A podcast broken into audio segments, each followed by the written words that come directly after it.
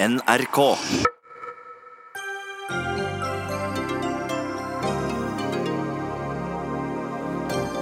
Vi gjorde alt etter boka, sier sjefen for Politiets utlendingstjeneste om returen av Abbasi-familien til Afghanistan. Hvor viktige er de vedtakene Stortinget fatter for hvem som må ut, og hvem som får bli? Regjeringa vil ha flere kvinner i Forsvaret, minst 30% på krigsskolene og i befalsutdanningen. Måltall løser ingenting, svarer kvinnelig løytnant. Bør påbudet om synlige ører på pass passbilder fjernes? Ja, det bryter med religionsfriheten, mener Samarbeidsrådet for tros- og livssynssamfunn. Religiøse må tilpasse seg reglene, ikke omvendt, svarer Frp. Og lær deg homsesex, Vebjørn Selbekk, skriver aviskommentator Jens Kiel. Han er irritert over at avisa Dagen skriver så mye om homofili uten å ha peiling.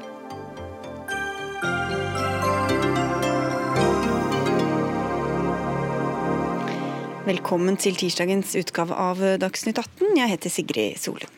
Og Vi begynner sendinga med saken som har ført til debatt om norsk asylpolitikk.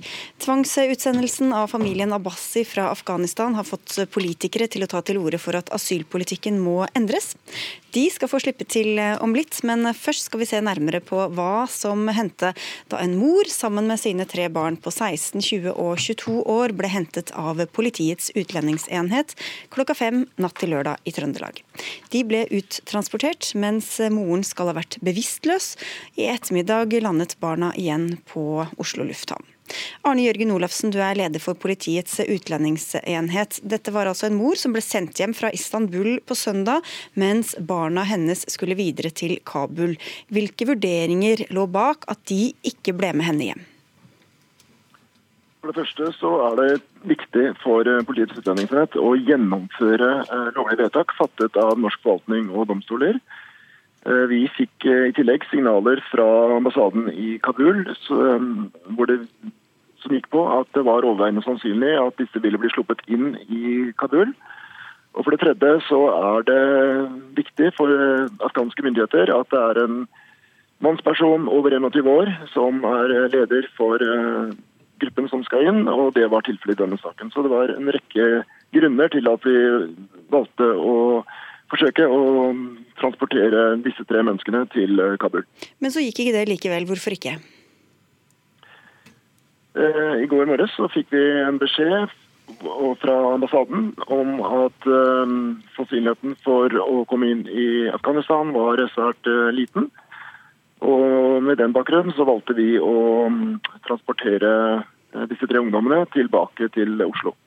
I instruks for gjennomføring av uttransporteringer så står det at alle uttransporter skal gjennomføres på en verdig, human og sikkerhetsmessig forsvarlig måte. Vil du si at denne utsendelsen var det? Det vil jeg. Jeg vil si at vi la veldig vekt på alle de eh, elementene som du nå nevnte. I tillegg så eh, vil dette eh, måtte vurderes opp mot en del andre hensyn, bl.a. ønsket om å gjennomføre ønske om eh, effektivitet eh, og, og ønske om rett og slett å ha et, et, et returinstitutt som er sterk nok til å klare oppgavene sine. Du sier det må veies opp mot det. Hva var det som talte imot, da? Talte imot hva da? Å uttransportere i den situasjonen.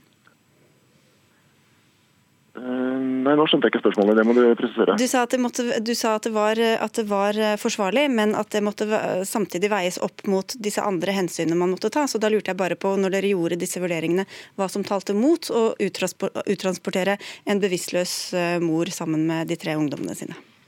Nei, Når det gjelder eh, helsetilstand, så er det selvfølgelig medisinske vurderinger som foretas til enhver tid. Vi hadde med sykepleier og lege, både under pågripelse, under transport og under oppholdet opphold av transitt i eh, Istanbul. Mor lå på sykestue der, og det var løpende vurderinger, løpende prøver. Og til syvende og sist så vurderte vi det som riktig å returnere henne til Oslo med bakgrunn i hennes helsesituasjon. Så har jeg allerede forklart hvorfor vi da valgte å skille familien og forsøke å transportere de tre andre til Afghanistan. Men hun var åpenbart ikke for syk. Når, når, hvor syk må du være for å ikke kunne sendes ut av landet og til f.eks. Afghanistan? da?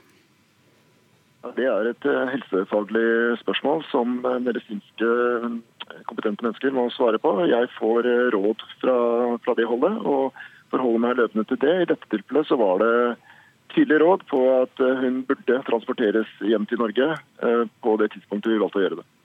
I instruksen så står det at barnets beste er et grunnleggende hensyn ved uttransport av mindreårige. Regnes denne 16-åringen som en mindreårig? Det er en mindreårig. Eh, og vi legger utrolig mye vekt på eh, barnets beste. Forsøker å legge til rette innenfor de rammene som gjelder, etter, eh, etter beste evne. Og vise menneskelig hensyn innenfor de rammene som tross alt gjelder for en for en, uttransportering. Men Hvordan kan det være barnets beste å bli uttransportert sammen med moren sin, som da er bevisstløs? Som sagt så var det løpende vurderinger. Vi hadde um, opplysninger om at hun mest sannsynlig ville friskne til Eh, i Istanbul. Eh, nå viste det seg at hun rett og slett ikke gjorde det, og derfor måtte vi foreta nye vurderinger i Istanbul. I 2018 så skulle det bli mer skånsomme utsendelser for barnefamilier. Bl.a. skulle ikke politiet pågripe familier før klokka seks om morgenen. Her skjedde det altså en pågripelse klokka fem, og med disse omstendighetene som vi har vært innom. Hvor skånsomt vil du si at det var? Det er riktig at vi har som policy at vi ikke skal eh, pågripe før klokken seks om morgenen. Begrunnelsen for det er jo søvn og nattero. I dette tilfellet så jobbet en av eh, de som skulle eh, transporteres på et altså han var skiktarbeider, var ferdig med arbeidsdagen omtrent klokka fem. Og vi vurderte det da slik at de hensynene ikke kunne tillegges avgjørende vekt akkurat i den situasjonen. Det var mest praktisk å gjøre det sånn? Ja, Det er selvfølgelig en rekke hensyn som skal tas. Det, blant annet er det viktig å unngå mest mulig støy og gjennomføre en slik uh, uttransport uh, uten at det blir for mye uh, bråk. rett og slett. Du, Nå har jo denne saken fått mye oppmerksomhet, men er det mange saker som ligner ikke nøyaktig på denne, men, men tilsvarende saker som ikke får noen oppmerksomhet? Det er mye krevende returarbeid som Politiets utlendingsenhet gjennomfører. Det er jo en av grunnene til at denne institusjonen faktisk eh, eksisterer. Eh, jeg legger ikke skjul på at det er eh, et arbeid som er veldig spesielt, og som innebærer en, en rekke dilemmaer som må håndteres. og Pågripelse i denne type saker er ofte mer belastende og krevende også for mannskapene enn det er i tradisjonelle kriminalsaker. Hvis du klarer å si det helt kort, Når vil dere da prøve å uttransportere denne familien igjen? Det kan jeg ikke svare på nå i det hele tatt. Du, tusen takk skal du ha for at du var med i Dagsnytt 18, Arne Jørgen Olafsen, som altså er leder for Politiets eh, utlendingsenhet. Da skal vi som eh, bebudet gå over til disse politikerne. Starte med deg, Guri Melby. Du er stortingsrepresentant for Venstre. Og dere har tatt i etterkant av denne saken til orde for å endre asylpolitikken, eller i hvert fall deler av den. Hva er det dere vil forandre? Veldig kort litt om historikken. Dette har jo vært en sak som har opprørt mange i Trondheim, der den familien her har bodd. Eh, og Vi fikk en direkte henvendelse fra ordfører Rita Ottevik i Trondheim, en Arbeiderparti-ordfører, eh, som lurte på om Venstre-leder Trine Skei Grande og KrF-leder Kjell Ingolf Ropstad var villige til å sette seg ned og se på om vi kunne gjøre endringer i regelverket som gjør at familier som denne familien, men også andre med lengeværende barn, får bli. Og Det er jo Venstres primærpolitikk at vi bør ha en mer human politikk overfor barnefamilier, slik at flere som har bodd her lenge og som har en sterk tilknytning til Norge, får bli. Og Derfor så svarte Trine Skei Grande ja til den invitasjonen fra Arbeiderpartiet og sa at vi vil gjerne sette oss ned. Og vi vil gjerne sette oss ned med de partiene som inngikk et forlik på asylpolitikk i 2015, for å se om det er mulig å finne noen løsninger her som et bredt flertall på Stortinget kan være med på. Som altså alle unntatt Miljøpartiet De Grønne og SV som sto utenfor. Men, men så hadde det ikke vært for Rita Ottervik, så hadde ikke dere villet se på den politikken på nytt, da? eller? Altså, som sagt, Venstres primærpolitikk er at vi bør ha en annerledes holdning overfor lengeværende familier enn det vi har i dag. Vi fikk til oppmyking i 2014 KrF og Venstre fikk til det sammen med Høyre og Frp. Det betyr at det er veldig mange flere lengeværende som får bli nå, enn det de gjorde f.eks. da Jens Stoltenberg var statsminister og gjorde en rekke innstramminger i 2009.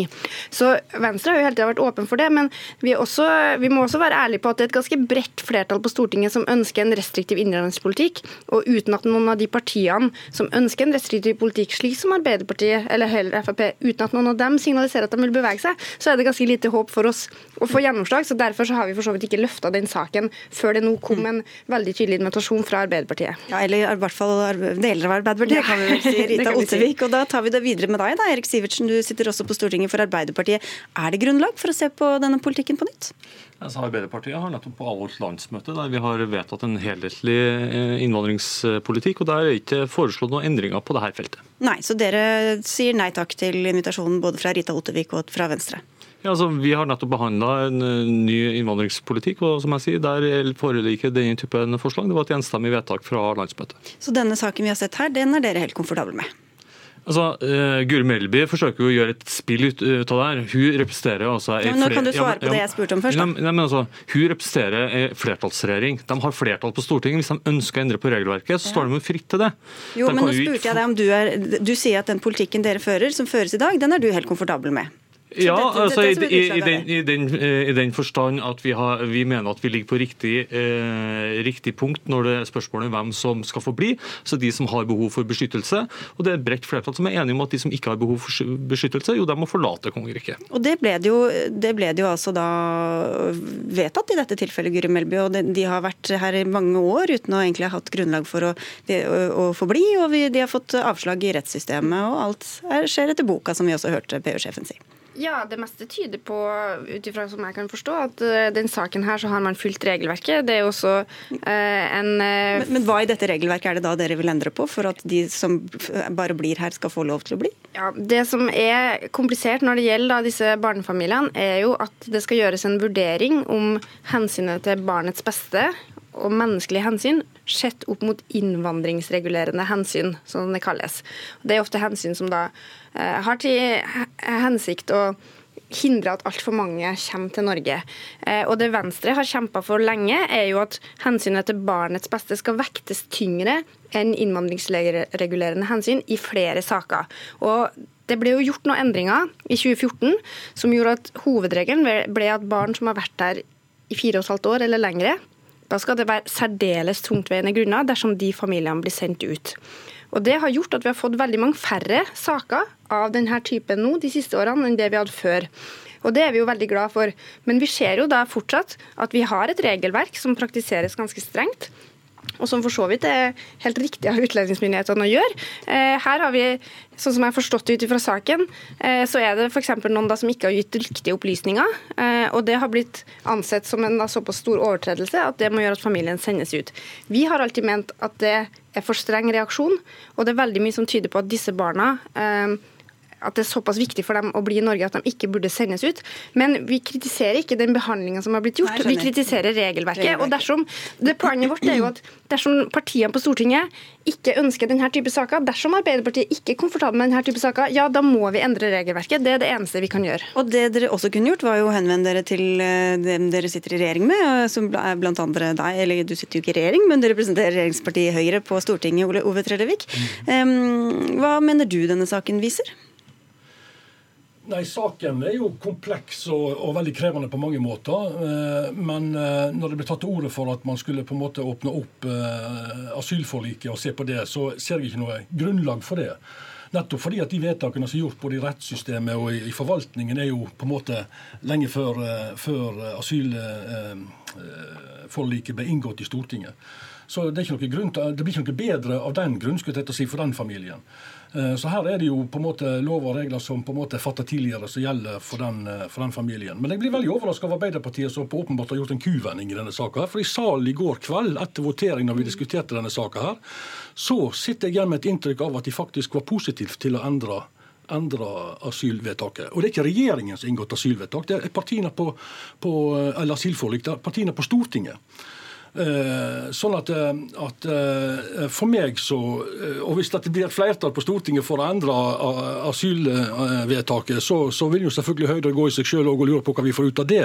Men vi ser ikke noe grunnlag for å endre det asylvedtaket som ligger i, i stortingssalen. og det ja, det er tross alt grunnlag både for regjeringsplattform og, og mye god politikk egentlig i det. Men, ja, Vi kan høre med Arbeiderpartiet. Du, du, kan jo oppklare dette. Hvor er det dere står egentlig? Altså, som jeg sier, Vi har nettopp vedtatt en helhetlig innvandringspolitikk. Det er ingenting der som tilsier at vi skulle endre på, uh, på, dagens regelverk.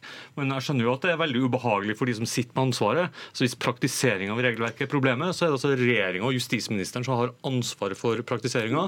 De har et flertall på Stortinget hvis de mener regelverket er feil. Så det er jo, ingenting i veien for Reglene er jo fullt i dette tilfellet, da, så da er det jo reglene dere har vært med å vedta som jo, blir, men som blir disse partiene har, sitter altså i en flertallsregjering sammen som har full mulighet til å endre endre på regelverket hvis de mener at det er feil.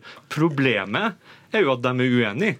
Men de må jo ta ansvar for den politikken de står, men, okay. står bak. Altså, men, men, men, dette, men dette kommer jo fra Venstre veldig, veldig. regjering og må stå for den politikken regjeringa fører. Ja, og dere må jo stå for den politikken dere fører. Ja, og, og, og, da, de... og, da, sier Rita Ottervik at hun ber om en ny kurs. Hva vil du si til henne da? Ja, men Jeg har stor forståelse for at ordføreren i Trondheim engasjerer seg. Dette er en sak som opptar veldig mange mennesker i, i Trondheim. Og Jeg reagerer jo også når jeg leser i aviser at politiet eh, setter bevisstløse mennesker på, eh, på et fly og flyr dem ut av landet. Eh, det skjønner jeg. Eh, det, det at folk reagerer på. Og det må justisministeren, som er ansvarlig for praktisering jo, men du mener, mener, du at det har vært brutt noen regler? Eller at nei, politikk... Nei, så, altså, så jeg, har, ikke forut, Hvorfor er det der justisministerens ansvar, og ikke bare ansvaret til alle dere som vedtok denne politikken? Jo, det er justisministeren sitt ansvar å forvalte det regelverket Stortinget har vedtatt. Altså, jo, det, det har gått etter boka, det sier alle da. Det er ganske grunnleggende. Jo, men så sier alle at her har det jo gått etter boka, så da er det, vel, da er det jo politikken man må snakke om, og ikke utførelsen av det så lenge politikken blir fulgt. Ja, Nå sa justisministeren i går at han ikke hadde full oversikt over uh, saken og vil komme tilbake til Stortinget og orientere om uh, regelverket var fullt her i uttransporteringa på en egnet uh, måte. Så får vi nå avvente da, høre justisministerens vurdering av det. Men som jeg sier, jeg forstår at folk reagerer.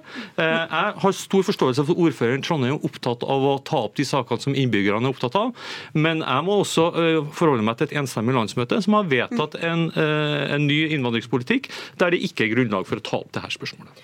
Altså, Erik Sivertsen, Det folk reagerer på først og fremst Riktignok mange har reagert på uttransporten, men det, det opprinnelige engasjementet kom fra, var jo at det her er barn som har bodd fem, seks, sju år i Norge, som har knytta bånd her, som har gått på skole her, som har venner, som er en del av lokalmiljøet, som blir sendt til et land som de ikke har bodd i. Det er det folk reagerer på. Det er regelverket som vi, ja, jeg må være ærlig og vedkjenne at vi er også med på det. Vi har vært med på det for å få en del oppmykinger som vi syns er viktig. Eh, men eh, poenget er jo at det er regelverket i seg sjøl som folk først og fremst er opprørt over. Eh, jo, men hva skal man gjøre da? Når, når folk, hvordan, hvordan skal man premiere dem som bare blir værende her uten at det sendes signaler om at her er det bare å komme og klore seg fast? Vi har ikke sagt at absolutt alle skal bli. Hvordan vil dere løse det? Vi har ikke sagt at det ikke finnes noen saker der også barnefamilier må reise ut av landet. Eh, men det vi har sagt er at det må være flere saker der barns beste tillegges større vekt enn det gjøres i dag. Eh, for det er fortsatt litt for mange historier som jeg tror strider mot folks rettsfølelse, som strider mot det folk opplever som riktig. Eh, og det mener vi at vi har en full mulighet til å gjøre noe med, uten at det kommer til å gjøre til at vi åpner opp grensene totalt. Og vi må huske på at mye av de asylreglene som vi har i dag, ble fatta i en situasjon der vi hadde sterk tilstrømming i 2015. I dag har vi en veldig annerledes mm. situasjon, og da mener jeg også at vi må kunne sette oss ned i ro og fred og kunne gjøre noen grundige vurderinger og se på om alt det som vi vedtok da, er riktig, eller om det går an å justere kursen bitte litt. Men der sier dere bare nei, da, eller Trellvik? Nei, På ingen måte. Altså, det er jo helt legitimt eh, for et parti som Venstre å, å ønske å diskutere dette og oppnå mer av sin Og Frp på den andre siden. Ja, for all del. Oppnå mer uh, i, i å åpne opp uh, asylforliket på Stortinget og diskutere det. Uh, Men? Det, det syns jeg er for så vidt helt legitimt av de å måtte ønske. Men det som er mer oppsiktsvekkende, er at Arbeiderpartiet ja, men faktisk ikke ville gå til, Ikke bare snakk om Arbeiderpartiet, snakk om hva dere vil gjøre. Hva, altså når Venstre sier at de ønsker at dere skal diskutere dette på nytt, er det noe du avslår, eller er det noe som kan skje? Ja, Jeg ser ikke noe behov for å diskutere dette eh, med bakgrunn i denne enkeltsaken. her. 36 000 tvangsutsendinger har blitt utført siden 2030, eh, og alle de sakene er krevende. Det er ingen som ønsker å reise frivillig når det er tvangsutsendelse. Så Hadde du vært der med kameraet ditt og filma der òg, så kunne du lagt ganske gode TV-program ut av det. Men Poenget er at eh, dette er veldig veldig krevende område å, å drive forvaltning på, så jeg har stor respekt for de som jobber med dette. Dette er vanskelig og krevende saker. Vi alle kan klare å identifisere oss med at det er vanskelig å være oppi dette for de menneskene det gjelder òg, som skal transporteres ut med tvang. Men vi er nødt til å ha en konsekvent politikk. vi har vedtatt dette, så må vi være konsekvent på denne politikken her. Eller så, eller så, har vi på en måte ikke en konsekvent innvandringspolitikk. Men nå er det sånn, altså Venstre ønsker å diskutere dette på nytt. Frp vil diskutere dette på nytt. Vet ikke helt om det blir noe av. Frp vil også diskutere bompenger på nytt. Medlemmer av regjeringspartiene stemmer mot sitt eget vedtak om pels. Hvor lenge varer politiske vedtak som regjeringa har fattet, egentlig? Politiske vedtak varer etter man har fatta nytt. Og, og, og, og, derfor så på en måte jeg føler meg ganske beroliga av de, de signalene vi får fra Arbeiderpartiet her. At man ikke ønsker å endre asylforliket, fordi at asylforliket er et bredt forlik på Stortinget. Det er mye god politikk i dette. Det danner grunnlaget for regjeringsplattformen sin innvandringspolitikk. Masse god politikk okay. i dette, så det er ikke behov for å endre denne. Tre sekunder, Guri Melby, før vi går videre. Jeg er litt skuffa over at partier som Arbeiderpartiet og Høyre ikke kan innse at de vedtakene vi gjorde i 2015 ble gjort på ganske kort tid. Det var ikke noe grundig utredning. Det må være mulig å kunne si at vi skal evaluere noe av den politikken og sette oss ned i ro og mak og finne bedre løsninger. Det høres ut som det var grundig tommel ned fra alle de andre rundt bordet her, men du, da går vi videre til deg, Jan Paul Brekke. Du er forsker ved Institutt for samfunnsforskning og er ekspert på disse feltene, altså migrasjon og flukt og integrering. Um, disse beslutningene som, som er vist til flere ganger nå i dette asylvedtaket, hva, hva, hva fikk det egentlig å si for den asylpolitikken vi har ført de siste par-tre årene? Altså, det har hatt mye å si for både politikken som har blitt utformet, men også for eh, tilstrømming. Det er, ikke, det er, andre forhold enn de norske som gjør at det er kommet såpass få. Men det betyr at vi ligger liksom på Hadde vi hatt en helt annen politikk, så kunne det tatt, eh, vært litt annerledes. Fordi landene rundt eh, også har tilpasset seg. Så vi var eh, i tråd med resten av Europa og nabolandene da det ble strammet inn. Men det har hatt mye å si for enkeltmennesker som blir berørt av de ulike uh, regelendringene som ble gjort. Og det var vanskelig å se i 2015 hvilke, akkurat hvilke konsekvenser det kom til å få, og det var begrenset tid, som det ble sagt her. Det er en slags smørbrødliste, dette. Hvis man leser den listen, så var det i en, i en, tid hvor det var en slags panikk for å få tilbake kontrollen på feltet, så var alle, eh, alle forslag som kom på bordet, var på en måte ble vurdert alvorlig. Og, og mange ble tatt inn og henger liksom litt ulikt sammen. Mm. Og så har de da blitt eh, implementert etter hvert, og det har vært på høring mye av dette. Men likevel så har de fått konsekvenser som man kanskje ikke var klar over da man fattet disse vedtakene. Ja, hvordan da? Altså, eksempler på det kan være eh, denne, dette med en, å vurdere om det er rimelig å kunne, eh, kunne returnere f.eks. til et område i, i, Afghanistan og ikke til andre. Her var det en liten, Folk var kanskje ikke klar over hva det egentlig betydde at skulle, man skulle droppe en sånn rimelighetsvurdering. Dvs. Si, skal man ta spesielle hensyn til den personen? Altså mer individuelle akkurat, ja, hensyn? Sånn, vel, se om det var rimelig at den personen kunne eh, sendes tilbake til akkurat det området. Og det, Der gjorde man en liten justering, men som har fått store konsekvenser og skapt mye debatt i ettertid. Så jeg er ikke sikker man ville gjort akkurat det samme, samme, vedtaket i dag. Men det er lett å si nå når man sitter en del år etter og man har sett at tallene har vært lave lenge og man har sett konsekvensene. Så derfor så er det, eh, så var det, Men det var vanskelig å forutse i 2015. Å tilbakekalle er en sånn annen regel som man har eh, hatt en økt eh, fokus på. Og dette, og, Tilbakekall, hva er det? Ja, at man mister noen som har fått tillatelse, men så mister det enten fordi det er mistanke om juks eller gale opplysninger, eller fordi det er blitt trygt i hjemlandet for de som har vært flyktninger. Og Det er en sånn praksis som man vedtok da, men som man ennå ikke helt har sett konsekvensene av. Men hvor det har blitt mange som har blitt hengende i lange saksforløp. Og Som vi var inne på, så handler det ofte om denne avveiningen mellom menneskelige hensyn på den ene siden og de innvandringsregulerende hensynene på den andre siden. Altså Vi vil ikke være for attraktive å komme til. Hvordan har disse hensynene blitt vekta ulikt gjennom de siste ti årene f.eks.? Altså, er, hvis man selv tar et skritt tilbake og ser på lang sikt på norsk eh, innvandrings- og asylpolitikk, så har den vært eh, ganske lik, uavhengig av hvem som har sittet i regjering. Det har vært en Arbeiderpartiledet regjering, har vært ulike koalisjoner, det har vært Høyre eh, med, med, andre partier på slep, så har det vært ganske likt. Så jeg pleier å si at det er en sånn stafettpinne man gir videre, og så er det litt små justeringer underveis. Og så trekkes det fra begge ender på begge sider, mens liksom hovedstammen i norske innvandrings- og asylpolitikken har ligget ganske fast. Men der man kommer hele tiden opp i, i enkeltsituasjoner hvor denne, de to hensyn du nevner, nemlig hensyn til enkeltindivid og rettigheter på den ene siden, og skal vi si, nasjonale egeninteresser, nasjonale hensyn øh, og kontroll på den andre, disse står liksom imot hverandre. og det, det kommer ut i 100 forskjellige varianter, og så er partiene litt uenige om hvordan den skal skrus, liksom den skruen, hvor hard klypa man skal være. Uh, men, uh, men, hovedlinjen er liksom er det, er det bred oppslutning om. Og det ser ut som den blir liggende fast de neste par årene også, i hvert fall. Takk skal dere ha alle sammen for at dere kom, Jan Paul Brekke fra Institutt for samfunnsforskning, til Ove Trellevik fra Høyre, Erik Sivertsen fra Arbeiderpartiet, Guri Melby fra Venstre og til PU-sjef Arne Jørgen Olafsen. Dagsnytt 18 alle hverdager kl 18.00 på NRK P2 og NRK2.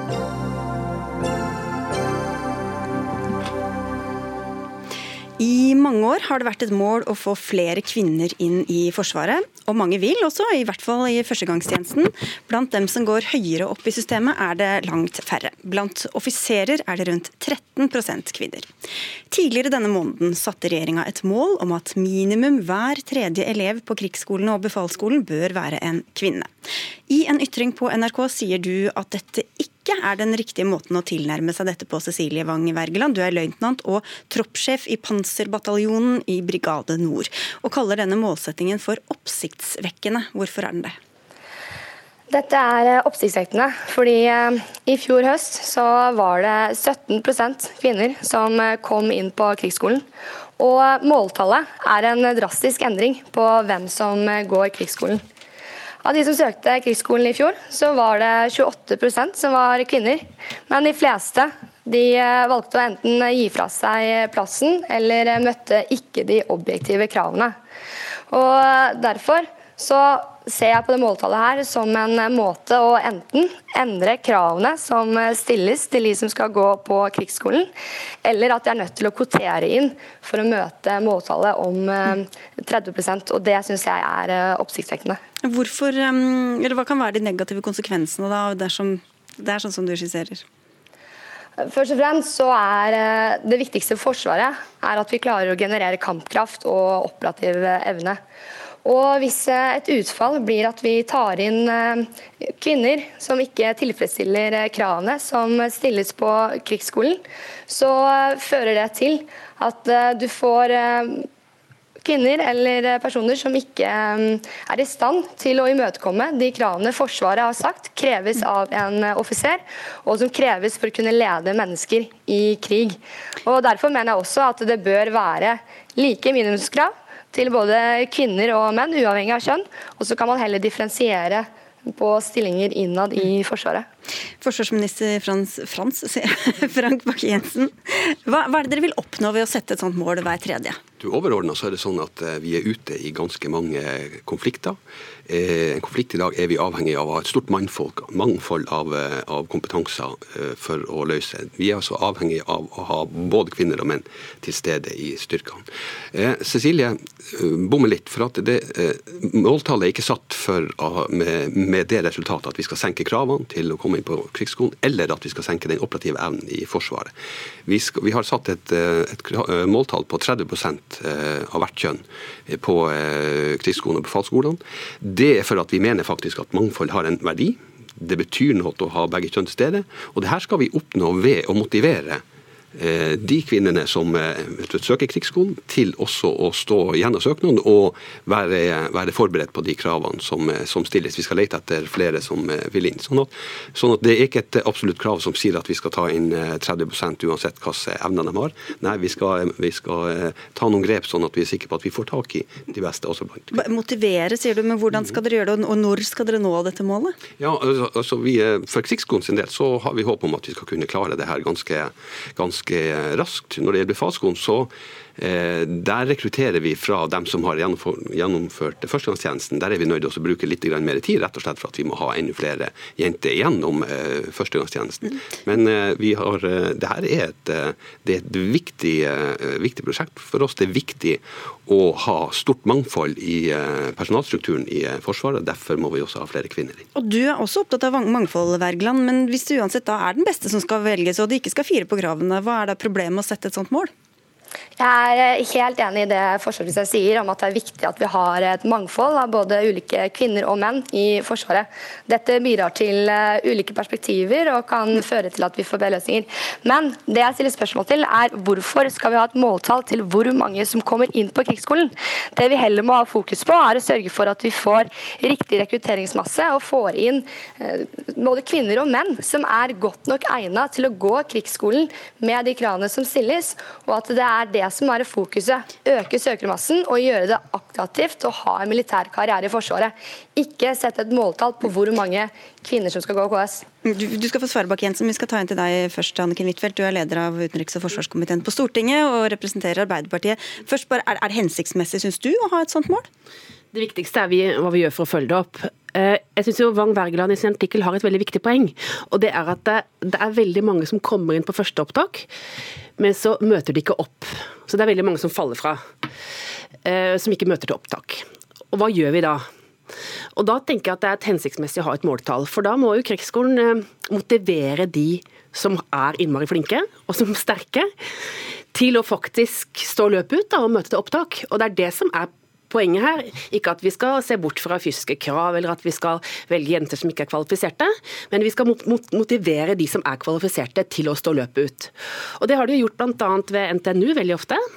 Da så vi at veldig mange jenter søkte, men de møtte ikke opp. De tenkte at passer nå det egentlig for meg? Og Så gjorde de et opplegg da med å motivere flere til å stå løpet ut og møte opptak. Så jeg tror at det er løsninga her, og så tror jeg det er en løsning til. For Jeg møter veldig mange kvinner som er i slutten av 20-åra, som er veldig fornøyd med Forsvaret. Og Jeg tror det er få områder i samfunnet hvor det egentlig er så stor grad av likestilling, og jentene føler at de virkelig blir behandla på like fot.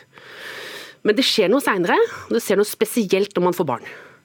Og Da blir det enorme forskjeller i kvinner og menn fordi at det krever ganske mye av en militær karriere. Og Det fører til at hvis du er kvinne som ikke har barn, så kan du gå ganske langt i Forsvaret. Eller hvis du har en mann som tar 80% av husarbeidet. Det er det veldig få som har.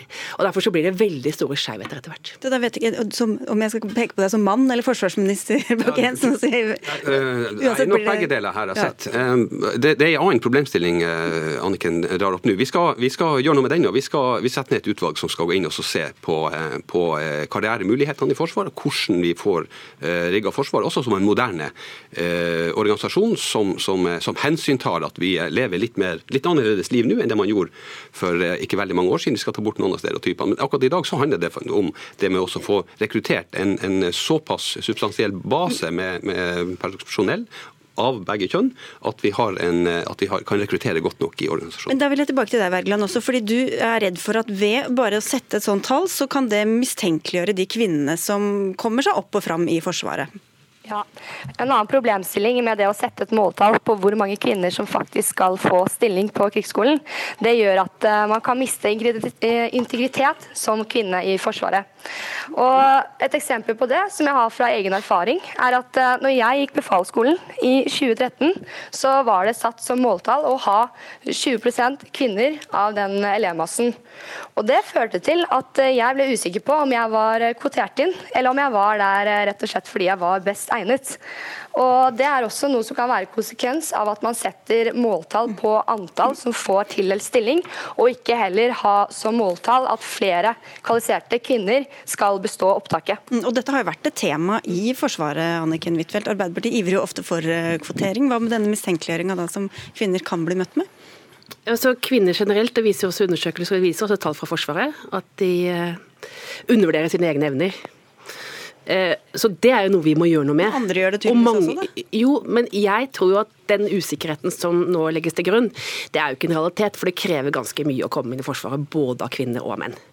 Slik at Det er jo ikke tilfellet. Altså, vi firer ikke på fysiske krav til soldater. Det har vi jo aldri gjort. Men sannheten er jo at det er veldig mange av de flinkeste jentene som ikke søker Forsvaret. Fordi de identifiserer seg ikke med en militær karriere. Det er det som er det største problemet, at vi får ikke tak i de beste. Så jeg tror nok at uh, det blir veldig feil å si at man tar inn folk pga. at de er kvinner. Jeg tror Snarere det er tvert imot at veldig mange av de kvinnene som gjør en militær karriere, er mye dyktigere enn mennene, for det er færre av dem som søker. Men når dere da setter et sånt mål som 30% hvordan, hva slags tanker har dere om det? At dere nettopp skal unngå disse, disse tankene hos ja, de som er der? Ja, Vi skal ha 30% av, av hvert kjønn. Vi er helt tydelige på at vi ikke endrer noen opptakskrav for oss å få inn folk. Eh, vi skal motivere kvinner, og vi skal legge til rette sånn at det blir mer attraktivt også for kvinner å være i Det høres uforpliktende ut, da? Motivere Nei, det høres overhodet ikke uforpliktende ut. Det handler rett og slett om også å ha kontakt med, med dyktige personell, som bl.a. Cecilie, som, som, har veldig mange gode innspill i, i kronikken sin dag på hva som, hva som, må tas tak i. Husk på å bare ignorere den, den typen problemstillinger som, som Cecilie skriver. Det er jo også en form for radikal kvotering, for da vil vi bare fortsette å ta inn mange menn. Vi, skal, vi er avhengig, For å være gode både ute og hjemme med styrkene våre, så er vi avhengig av en mangfoldig kompetanse. Det får vi ved å rekruttere både blant kvinner og menn, og vi må ha en substansiell masse av begge kjønn for at det skal bli skikkelig bra. Veldig kort til deg, Wergeland. Ja. Ja, nei, jeg bare lurte på om du ville ha en kommentar til det Frank Bakke-Jensen sa her. Ja, altså det som er viktig er at uh, vi ikke fokuserer på hvor mange som går krigsskolen, men at uh, forsvarsministeren heller fokuserer på bedre rekruttering, tidlig informering til uh, de unge og håpefulle som skal inn i Forsvaret, bedre intensivordninger for oss som jobber i Forsvaret fra før av, og sørge for at vi som jobber her blir ivaretatt og kan ha en langsiktig karriere i Forsvaret. Og da er det andre ting som må på plass. Men det viktigste er jo det du peker på i din kronikk kronikk om familiepolitikk. For det er jo der forskjellene øker. Eh, når kvinner får barn, så velger man ofte annerledes, og derfor så må Forsvaret også jobbe aktivt for at de som kanskje ikke har den type erfaringen, får lederposisjoner. Ja, men er jeg enig med Den problemstillinga er måltall uegna, sånn men det skal vi gjøre noe på et annet arena. Ok, Da nikker dere så med. Nå, vet du, jeg er nødt til å avslutte, beklager så mye, men vi må si tusen takk til dere alle tre. Cecilie Wang Wergeland, Frank Bakke-Jensen og Anniken Huitfeldt for at dere kom til Dagsnytt 18.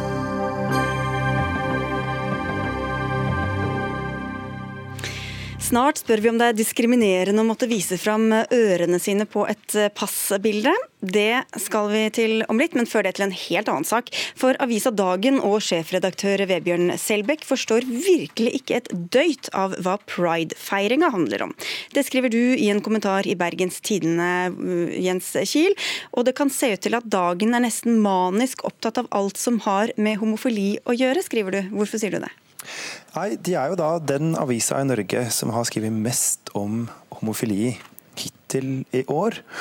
Og Problemet med det er at eh, nå har jo dagen hatt to ledere om pride på vel en uke. Det er jo imponerende i seg selv. Og de skjønner ikke hva det går i. Ikke sant? Eh, Vebjørn Selbekk, som sitter ved siden av meg her, han har da konstruert noe han kaller for en pride-ideologi. som truer stabilitet og trygghet for enkeltmennesker, ikke minst barn og unge. Han skjønner ikke at det å gå i en pridetog i Norge i dag, det handler om å eh, vise fram at man må få lov til å være fri, elske den man vil, eh, og slippe vold, trakassering, mobbing, undertrykking. Og at eh, vi må ha like rettigheter i et likestilt samfunn som Norge bør være. Dere skjønner ikke hva dere skriver om, Bjørn Selbekk. Likevel så skriver dere om det hele tiden i dagen, hører vi her. Hvor godt har dere satt dere inn i, disse, i dette saksfeltet? Ja, ja, er det ikke rart. Altså, eh, jeg syns det er veldig eh, fint at eh, Jens Kiel nå har begynt å lese Dagen. Det er det mange flere som burde gjøre. Men hvis han hadde lest det litt over lengre tid, så hadde ikke denne misforståelsen oppstått som har oppstått nå. For da ville han ha sett at når det gjelder den solidaritetsdelen av Pride-festivalen og Pride-marsjen, så er vi helt enige. Der har dere en alliert i oss, Jens Kiel. Vi er opptatt og har skrevet om det gang på gang på lederplass, å bekjempe vold, hat, diskriminering, trakassering av homofile. Enten det skjer, som du skriver om i artikkelen din i BT i dag, på sløydsalen eller utenfor sløydrommet på din gamle skole der du ble trakassert, eller det skjer i Jæren der eh, lesbiske får eh, boligen sin vandalisert, eller det skjer i Iran der eh, homofile blir heist opp i, heisekrana og hengt på torget i Teheran, eller det skjer i Tanzania der myndighetene i Dar es Salaam driver klappjakt på homofile. Okay. Dette er vi sterkt imot, og det er ikke det som er problemet med, med Pride-festivalen, men den er mer enn bare en solidaritetsmarsj. Det er også en politisk markering, og det politiske innholdet Eh, i pride-ideologien, om vi kan kalle det det, det har jeg større problemer med, selv om jeg også støtter solidaritetstanken eh, i pride. Mm, mm, men, For du finner på en sånn pride-ideologi. ikke sant? Sånn at når du sier at alle som går i det toget er med på å støtte opp om arrangørens agenda. Sånn at fagforeninger, politiet, partier de støtter opp om eh, surrogati og, sexkjøp, og nei til sexkjøpsloven. Eh, og det er jo bare tull.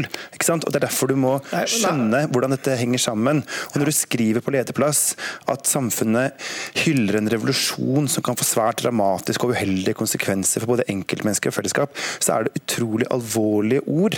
Ja, for kan du bare eh, beskrive hva som faktisk ligger i det Selbekk, det at man da skal rive ned samfunnet, eller hvilke ord du brukte? Nei, altså, ja, Det er litt sånn unøyaktig gjengitt, dette her. Men, jeg leste opp helt nøyaktig fra din leder jo, da, akkurat nå, Selbekk. Ord for ord. Jo, jo, en offensiv men, innsats for oppløsning av strukturer som har vært bærende i vår sivilisasjon ja. i hundrevis av år. Men dette er det du skriver da, på hvis du, hvis du leste leder nummer to, du snakker om at vi har to ledere, så skrev vi også der at, uh, at uh, det kanskje var uh, Vi tok litt hardt i, i, den, i den, første. Det, det skrev du ikke. Skrev at det kunne misforstås. Ja, okay du mener at ja, ja, all right, men Vi kan drive og, vi kan drive og diskutere det, da, men jeg vet ikke om det er interessant for, for lytterne og seerne her.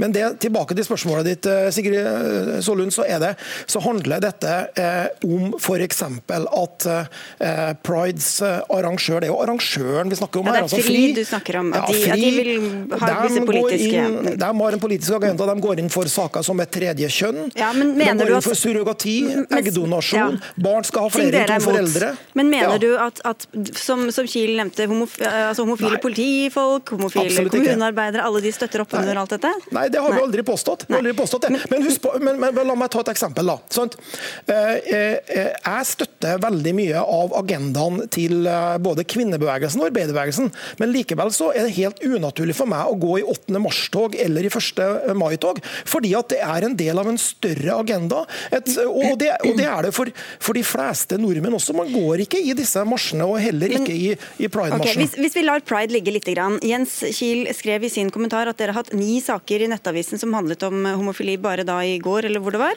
Og er. Den avis, nei, ok, ta neste punkt, da. Dere er den avisa som har hatt ordet homofil flest ganger på trykket i år, viser han til tallene. Hvorfor, hvorfor er dere så opptatt av dette temaet? Ja, jeg vet ikke om det er helt vitenskapelig, det retrieversøket som, eh, som Jens Kiel har gjort der. Men, men, eh, men, det er klart at jeg syns det er litt spesielt å, å liksom eh, bli eh, beskyldt for at vi er veldig veldig opptatt av det. Når vi nå sitter i Bergen her, der, der man nettopp har hatt prideuke og, og hele byen har vært, planta, vært pynta i, i pridefargene. Det handla om uh, homofili overalt.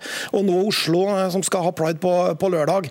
Men, men, men, men, det handler jo om f.eks. at uh, i den kirkelige debatten, som Dagen skriver ganske mye om, så har jo det vært en, en stor debatt om kirkelig vigsel av homofile. Og det har vært tatt opp mye også på debattplass i dagen. Mange, mange ivrige leserbrevskribenter. Så jeg tror det handler litt om det, at du får det resultatet, Jens Kiel. Ok, men Jens Kiel, bare et spørsmål til deg også, for Du sier både at han skal slutte å interessere seg for hvordan homofile lever livene sine, og ber han sette seg mer inn i homofiles liv. Hvordan skal han klare å gjøre begge de to tingene på en gang?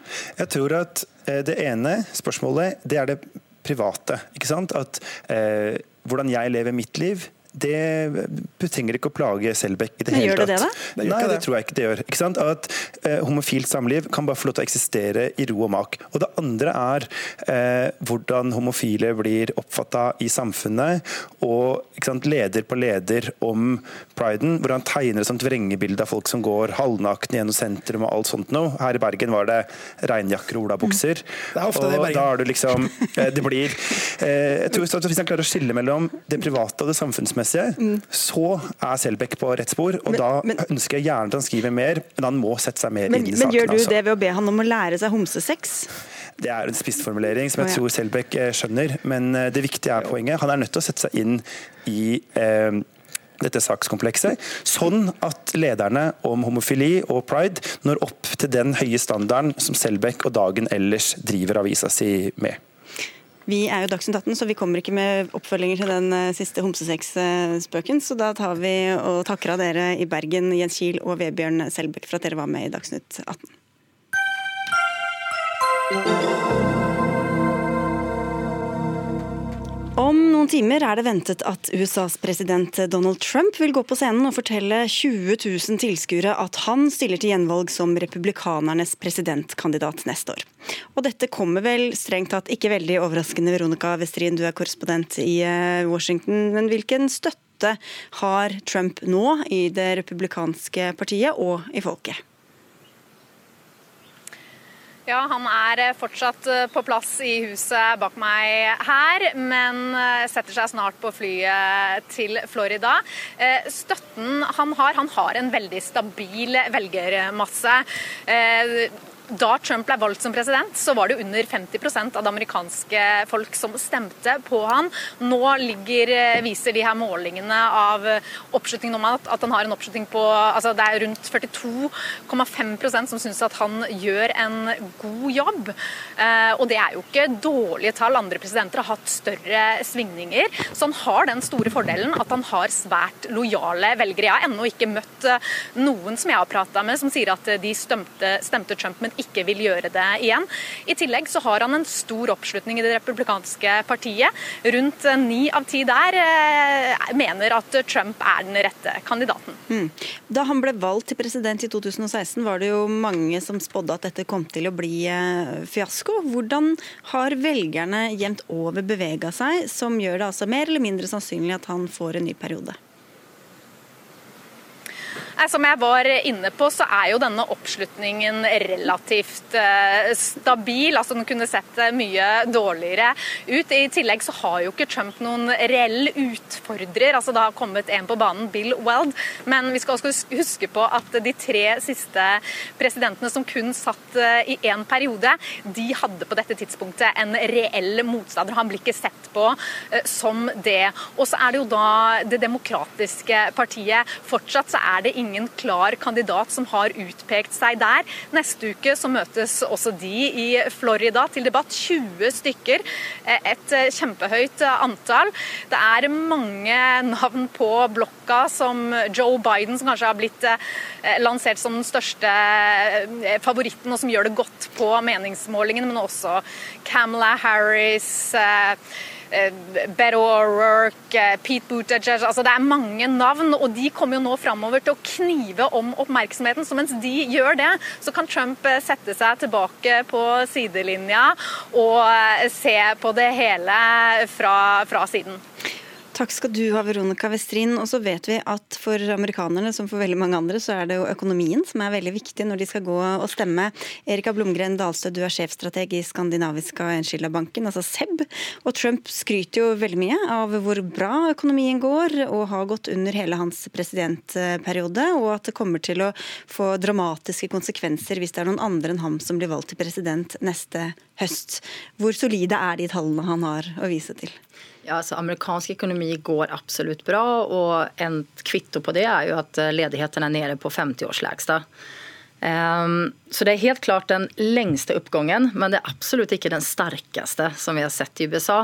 Og uh, nå er det sånn at Trump, i likhet med andre presidenter, har veldig liten altså direkte kontroll over økonomien. I dette fallet så overtok han en økonomi eh, som hadde återhämtat seg och og efter finanskrisen var en uppgångsperiod. Og samtidig så har han jo eldat på ekonomin ganske så mye også med en stor dos finanspolitikk i form av skattelättnader til både bedrifter og hushold. Hvordan vet vi hvordan politikken hans har slått ut? Alltså det er beräkningar på det i form av ren vekstanslag så kan man nesten si at 1 prosentpoeng høyere vekst om man ser samlet sett over foregående år i år kommer som rent bidrag fra finanspolitikken. Men så er det også sånn at demokratene særlig advarer mot eh, at virkemidlene til Trump-administrasjonen, som skattelette, som du var inne på, økt offentlig pengebruk, kan ha virket midlertidig, blåser opp økonomien, og så kan det falle igjen. Hva er sannsynligheten for det? Eh, det er absolutt en mulighet. For det som vil skje nå, er at de her effektene som du prater om med skattelettene, er jo ganske kortsiktige. Eh, det har ikke skapt nødvendigvis så veldig mye mer type av investeringer som kan øke veksten på lang sikt. Og på andre siden så har man jo ganske stor regning for det her i etterkant som skal betales. Men eh, om vi ser på eh, om vi ser på veksten nå, så er det jo uansett sånn ventet at veksten kommer til å bremse inn. Fordi at de her effektene fra finanspolitikken avtar. Amerikansk økonomi har vært i en oppgang veldig lenge, hvilket innebærer at det er vanskelig for bedrifter i dag å finne arbeidere med rett kvalifikasjoner, eller å klare å øke produksjonen ytterligere. Så uansett om det er Trump eller eh, en demokratisk president, så ligger det jo an til at veksten kommer til å bremses inn. Mm. Vi snakker mye om, om, forskjellene i USA. Er det sånn at denne økonomiske oppgangen har kommet alle til del, eller? Er den veldig ujevnt fordelt? Den er noe litt uh, ujevnt fordelt. Uh, og det er vel egentlig ingenting som er typisk Trump. utan uh, trots, uh, trots, alt så så man litt samme tendenser tidligere, even under Obamas type av skattelettelser som har skjedd. en annen konsekvens av, av veksten nå er jo at det er vel kanskje framfor alt også gynner kapitaleiere, da, med tanke på den kraftige oppgangen i bl.a. aksjemarkedene som vi har sett i USA. Og så er det jo noe vi ikke har vært innom, nemlig handelen med andre land, som, eh, hvor det er ganske mange forskjellige konflikter med andre. Hvordan kan det slå ut etter hvert? Det er vel egentlig den største nedsiderisikoen for amerikansk økonomi og egentlig verdensøkonomien, skulle jeg ville si. Jeg jeg syns Trump har tatt en ganske stor gamble her med at faktisk starter denne handelskonflikten med Kina. Det innebærer jo dels at altså det er ikke bare Kina som blir drabbet her. Direkte effektene på USA er ganske små. Men de indirekte effektene de ser vi jo redan med at det faktisk er en avmatning i amerikansk industri. Mm. Og den er klart, den kan jo bli enda mer alvorlig om vi ser framover, om vi ikke får et avtale på plass ganske snart. Og så husker vi fra tidligere år at det var en sånn eh, hele offentlig sektor stengte ned. De ble ikke enige om budsjettet. Nå skal de snart sette seg ned med eh, Kongressen og forsøke å lande et budsjett for neste år. Eh, hva kan skje hvis de ikke klarer å bli enige? Altså, I første instans så er det vel trolig at de ikke blir enige. Uh, og, men historisk sett, så når man stenger ned offentlig sektor, det har en ganske kortvarig effekt på økonomien. Og så skal man jo huske på at uh, altså, Trump vil bli gjenvalgt. Og for at han skal bli det, så nummer ett, økonomien må gå bra. Og familiene, altså amerikanske familier må ha det bra. Så at det skulle bli en veldig langvarig budsjettkonflikt som går ut over økonomien, det tror jeg kanskje ikke er så sannsynlig. Dårlig sjakktrekk. Ja. Takk skal du ha for at du kom til Dagsnytt 18, Erika Blomgren Dalstø. Takk. Hør Dagsnytt 18 når du vil. Radio NRK Radio.nrk.no.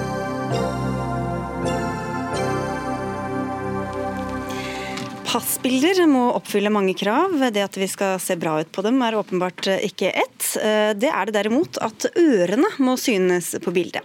Nå skal det lages en ny forskrift for pass og ID-kort, og i høringssvarene så er det mange som mener at dette ørekravet må fjernes, kunne vi lese i Rogalands Avis i går. Det er blant andre dere som mener dette, Ingrid Rosendorf Joyce. Du er generalsekretær i Samarbeidsrådet for tros- og livssynssamfunn, og du frykter for religionsfriheten. Hva har den med ørene å gjøre? Først så vil jeg jo si at jeg har en tro på at dette kommer til å ordne seg i denne, i denne passforskriften. Eh, det er en åpen prosess, og nå kommer de gode argumentene på bordet. Det ble innført i 2014 uten, eh, uten en høring. Eh, det er ingenting som tilsier at sikkerheten blir styrket ved at man kan vise ørene. og Da er den et uforholdsmessig inngrep på religionsfriheten til f.eks. de 250 turbanbærende sikhene som, som da ikke kan, kan få seg pass. Ja, Det gjelder jo sikher og de som går med hijab eller andre slør. Eller, ja, ikke sant? Men hvorfor, Er det de selv som har reagert, eller hva slags, hva slags innspill har dere fått fra dem det gjelder? Sikene har vært veldig opptatt av dette helt siden 2014, da den ble, da, da den ble innført eh, som sagt uten, uten, høring. Eh, og De opplever at dette gjør at de ikke har den bevegelsesfriheten de skulle ha. De kan ikke få seg pass. Vi eh, fikk akkurat et, et, eksempel med en som ikke fikk fornyet pass fordi den ikke ville ta av turbanen. Og det er klart at Disse rettighetene, når de stilles opp mot sikkerheten, så er sikkerheten viktig. og alle, Også alle religiøse minoriteter er opptatt av sikkerheten, men sikkerheten blir altså ikke styrket ved at man må vise ørene. Og Det er flere grunner til det. Det ene er at det er biometri som er, eh, som er framtiden på dette. Eh, Norge er det eneste landet i tillegg til Frankrike som har dette med ørekrav. Eh, biometri det er, altså, det er altså, ansiktsgjenkjenning og fingeravtrykk, skanning og sånt? Skanning osv. Ja. Norge er, er altså et av veldig veldig få land som har denne regelen. Det anbefales ikke av internasjonale luftfartsmyndigheter. Og det er heller ikke altså, det, det at man tidligere trodde at ørene var så unike, det viser seg et lite tastetrykk, så kan man fikse de på plastisk kirurgi. Mm. I tillegg, som et poeng, er at bare et aller siste poeng er at det altså er Passbildene tas jo forfra. ikke sant? Og Hvis du skal kunne bruke ørene til noe, så må du se dem fra siden. Det gjør du ikke på et, pass, eh, på et, eh, på et passbilde. Mm. Så lite meningsfullt og sikkert, men desto større inngrep mot dem som eh, ikke vil vise ørene. Da. Jon Helgheim, du er stortingsrepresentant for Fremskrittspartiet. Hvorfor er det så viktig å beholde dette kravet, da, hvis ikke det har, noen, har noe for seg? Eh, det er jo en grunn til at man har sånne krav, og det er for at man skal være eh, best mulig gjenkjennelig eh, og identifiserbar på bilder. Og Da er det selvfølgelig slik at jo mer man ser av ansiktet og hodet, jo mer sikkert blir det. Det er helt åpenbart. Og så er det et viktig prinsipp i denne saken her, og det er at vi må si klart og tydelig at eh, hvis man velger å bo i Norge, og det er valgfritt, eh, så må man innrette seg etter de lover og regler som gjelder her. Og det er innvandrere som i stor grad, eller i all hovedsak, dette her er et problem for. Og innvandrere som har valgt å bosette seg i Norge, de må innrette seg etter våre lover og regler. Det er ikke samfunnet som skal tilpasse seg eh, innvandrernes krav, heller ikke her. Og det er et viktig prinsipp som vi skal ha med oss også i denne saken, som i alle andre saker. Men det må vel være en viss hensikt, hensiktsmessighet i de reglene vi har. Ja, det så, forklarte jeg jo, og ja, men, at det er gjenkjennelighet og den type ting. Men hvis det er sånn at dette ikke egentlig er det, det, ingen, USA har det ikke, de er jo opptatt av sikkerhet. Hvis luftfartsmyndighetene ikke anbefaler det, hva, hvor, hva er det vi vet som, uh, om hvor viktig disse ørene er, som andre myndigheter ikke har skjønt? Jeg tror det er veldig lett uh, å forstå at uh, jo mer man ser av hodet på et bilde, og jo mer trekk man kan sammenligne med, jo bedre, enklere er det å identifisere. Så det, det er jo grunnen til at man har det. Jeg kan ikke svare for hvorfor ingen andre eller mange andre nasjoner ikke har det, men jeg kan svare for hvorfor man ønsker å ha det her i Norge. Og Det er av to grunner. Det er eh, enklere å identifisere, altså det er et sikkerhetskrav. Eh, og vi skal ha det prinsippet at det er innvandrere som kommer til Norge som må tilpasse seg eh, det, er vel, det er vel ikke det som skal ligge til grunn for reglene? At, hvis, hvis vi gir et signal nå, for det eneste grunnen til å ikke ha det, det er jo et krav fra muslimske minoriteter eller religiøse minoriteter som eh, ikke vil innrette seg etter det kravet som vi har. og Da gir vi det signalet at uh, vi skal tilpasse oss uh, Selv om reglene er idiotisk, hvis det er en innvandrer som Det er ikke et idiotisk krav. Men, men hvis det er grunnlaget uten grunn. Nei, nei, men Hvis det var grunnlaget, så kan jo det hele det. Ok, plass det. Joyce, hvorfor kan de ikke bare ta til side turbanen, eller For, for turban, så, altså for sikene med turban så er det problematisk. Det er også problematisk for enkelte nonneordener i den katolske kirke. Det kan være problematisk for eh, kvinner med hijab. Eh, og det kan være problematisk for ortodokse jødiske kvinner. Eh, sånn at det er ikke bare, det er ikke bare muslimene man, eh, man, man rammer med dette. Eh, det, for, Men de kan gå inn på et avlukke, ta et bilde. Ja, bare der der og da, er det så farlig? Det er jo ikke ordnet sånn. Det har, det har vi etterspurt, at det skulle vært ordnet sånn på flyplasser osv. Eh, det har ikke Justisdepartementet ønsket å gå inn i. og Det handler litt om at det ikke er mulig å få til i praksis. For dette er ikke, altså ikke bare passfoto, det er også ID-foto, nasjonalt ID-foto. Og nå når bankene etter hvert slutter da å, eh, å bruke bilder på, på, bankkortene, så trenger man nasjonalt ID-kort for å hente ut pakker på Posten, på Rema, reseptbelagt medisin, skrive, signere kontrakter osv. Gå inn på utesteder steder. Det sier seg selv at det er ganske dyrt og ganske umulig å få til et avlukke på alle disse stedene. Ok, Men den katolske nonnen trenger vel ikke å vise ørene når hun skal inn på et utested, men det er jo bare når hun skal ta dette bildet? Nei, det må jo da også altså, Det må jo være for at de skal kunne sjekke det, ellers er det jo ikke et ja, Men det er ikke så ofte man sjekker ørene? Er det, det, det er det ikke. Og det, det, er også et av poengene. at har ikke, Vi har ikke fått noe tall på at, no, at, dette her brukes i særlig grad eller er et poeng. Bare si en, en, en, liten ting. og Det er at det som er interessant, det er at disse innvandrerne som, som Helgheim trekker frem. I 2020 så åpner Norge altså for dobbelt statsborgerskap. Dette gjelder jo bare norske statsborgere med norsk pass. Sikhene kan få seg indisk eh, statsborgerskap, og jeg er helt sikker på at en del andre grupper kan få seg et annet statsborgerskap i tillegg til det norske. Da trenger ikke de bruke det norske passet. Dette er altså rett og slett et forslag eh, som ikke har noen praktisk eh, betydning, utover at det rett og slett er en inngripen for religionsfriheten til våre minoriteter. Jeg kan ikke skjønne at det var noe argument uh, verken for eller imot noen ting. Hvis det, det, hvis det er en løsning, er, ja. så får de gjøre, bruke den løsningen, da. Uh, men vi kan ikke tilpasse oss regelverket og gå bort ifra det som faktisk er et sikkerhetskrav, fordi uh, sikher eller muslimer ønsker, ikke ønsker å innrette seg etter det. Og det er faktisk sånn at når, når religionsrelaterte krav kommer i konflikt med andre forskrifter og sikkerhetsordninger, så må faktisk religionen vike. Det er et poeng med det. Hvis det er sånn at man kan ha ansiktsgjenkjenning eller fingeravtrykk eller øyeskanning eller hva som helst, som, som gir mye tryggere, eh, mye bedre sikkerhet enn disse ørebildene. Totalen gir en veldig god sikkerhet, eh, men jeg hører du gjentatte ganger sier at det ikke er noe poeng i det. Jo, det er et poeng i det. Spør om det er et poeng i det. Jo, det er et poeng i det, og det har jeg sagt flere ganger. At, det er ingen som har klart å vise at dette er sikkerhetsmessig eh, bra. Jeg tror det er veldig lett å tenke seg til at eh, bare ved å tenke seg til at eh, jo mer du ser av en persons eh, fjes og hode, jo enklere er det å identifisere den personen. Og Det er jo den enkle årsaken. sånn at dette er ikke et poengløst krav, men okay. dette sammen med veldig mange andre krav, så blir okay. dette bra. Det er bare å komme med innspill, for høringsrunden er vel ikke helt over. Men den er ferdig, så da er det for seint å komme med innspill. Det er bare å glemme. Takk skal dere ha begge to, Ingrid Rosendorf Joyce og Jon Helgheim for Dagsnytt 18 er over for i dag. Og vi takker for oss, eh, Jarand Ree Mikkelsen, Marianne Myrhol og jeg, Sigrid Solund.